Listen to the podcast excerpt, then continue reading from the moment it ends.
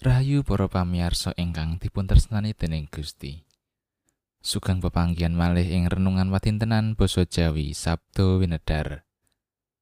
Monggo wekdal ingkang dipun paringaken dening Gusti menika kita sesarengan maos kitab suci.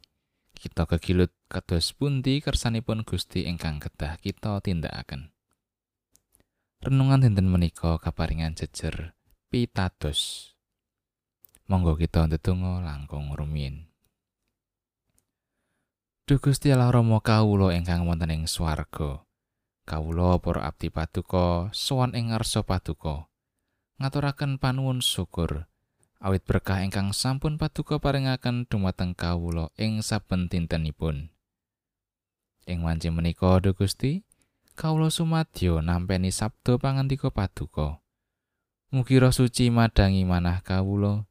Supados kawula kasagetna mangertosi sekar sapa duka lan kawula tindakaken ing sauruting gesang. Matur nuwun Allah, kawula pasrahaken gesang kawula ing asta paduka sawetahipun.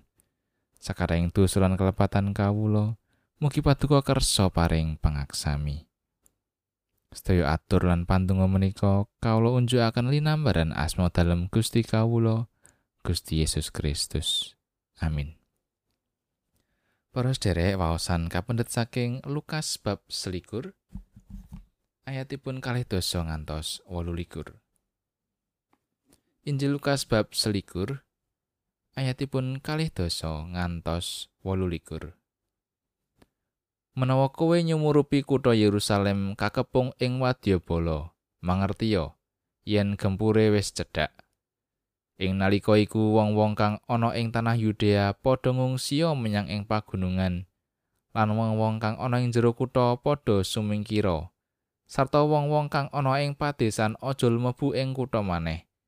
Amarga ya iku mangsa tekane piwales kang dadi kayektene sabarang kang wis katulisan kabeh. Nanging mesakake banget para wong kang lagi ngandhek utawa kang lagi nusoni bayi ing wektu iku amarga bakal ana kasangsaran gedhe ing saintenging negara lan bangsa iki bakal tampa deduka. Wong-wong mau bakal padha tiwas kenolan deping pedang, serta bakal padha kabandang dadi tawananing bangsa-bangsa kabeh. Sarta kutha Yerusalem bakal kaecak-ecak dening bangsa kang ora wanuh marang Gusti Allah. nganti tumeka sarampunge jamane bangsa-bangsa iku. Apa dene bakal ana ilapat-ilapat ing srengenge ing rembulan lan ing lintang-lintang sarta ing bumi para bangsa bakal padha wedi lan bingung marga saka gumlegering segara lan alun. Wong-wong bakal padha semaput dening giris amarga kuatir marang apa kang bakal nekani jagat. Amarga kabeh panguasaning langit bakal gunjing Ing nalika iku wong bakal padha nyumurupi putraning manungsa rawuh nitih mega ngagem panguwasa lan kamulyan gedhe. Ana dene menawa iku kabeh wiwit kelakon padha njenggeleka lan tumenga amarga wis sedhak anggonmu bakal kaluaran. Makaten pangandikanipun Gusti. Ayat nat sing menika ayat 17. Ing nalika iku wong bakal padha nyumurupi putraning manungsa rawuh nitih mega ngagem kuwasa lan kamulyan gedhe.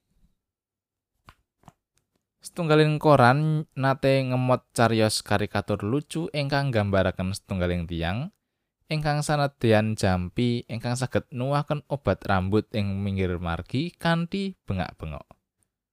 Lajeng menapa ingkang lucu saking karikatur menika? Jebul ingkang sadean gundul. Cadas menika nedahaken bilih menapa ingkang dipun gembar-gemboraken dening tiyang ingkang sadean jampi menika mboten saged dipun pitadosi. Awit tiyang menika mboten saged nedahaken paedahipun jampi ingkang dipun sade.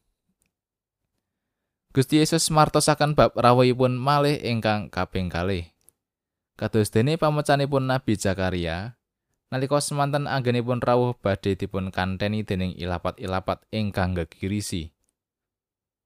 Nalika ningali lampan-lampan menika, bangsa-bangsa badhe giris lan bingung, malah ngantos semaput.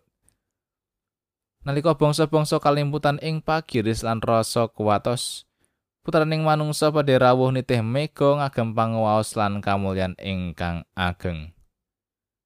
Dene para pitados mboten badhe ajrih lan kuwatos, nanging kadhawuhan sami jenggelek lan tumenga.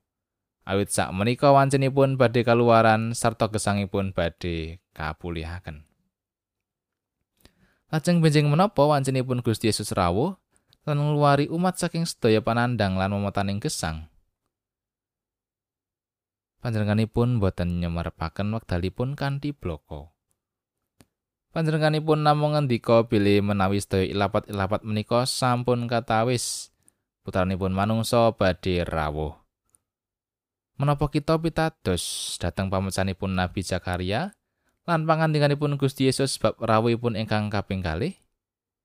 lan menawi pitados menapa ingkang dados tandhanipun tandhanipun inggih menika para tiyang pitados tansah jumoga lan setya ngajeng-ajeng rawuhipun Gusti Yesus ingkang kaping kalih kanthi temen budidaya ngestoaken sabdanipun wonten sauruting gesang.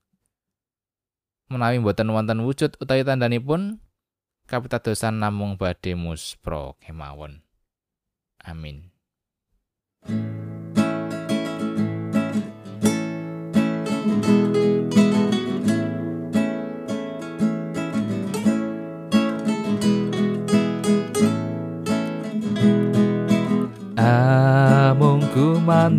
mandeliku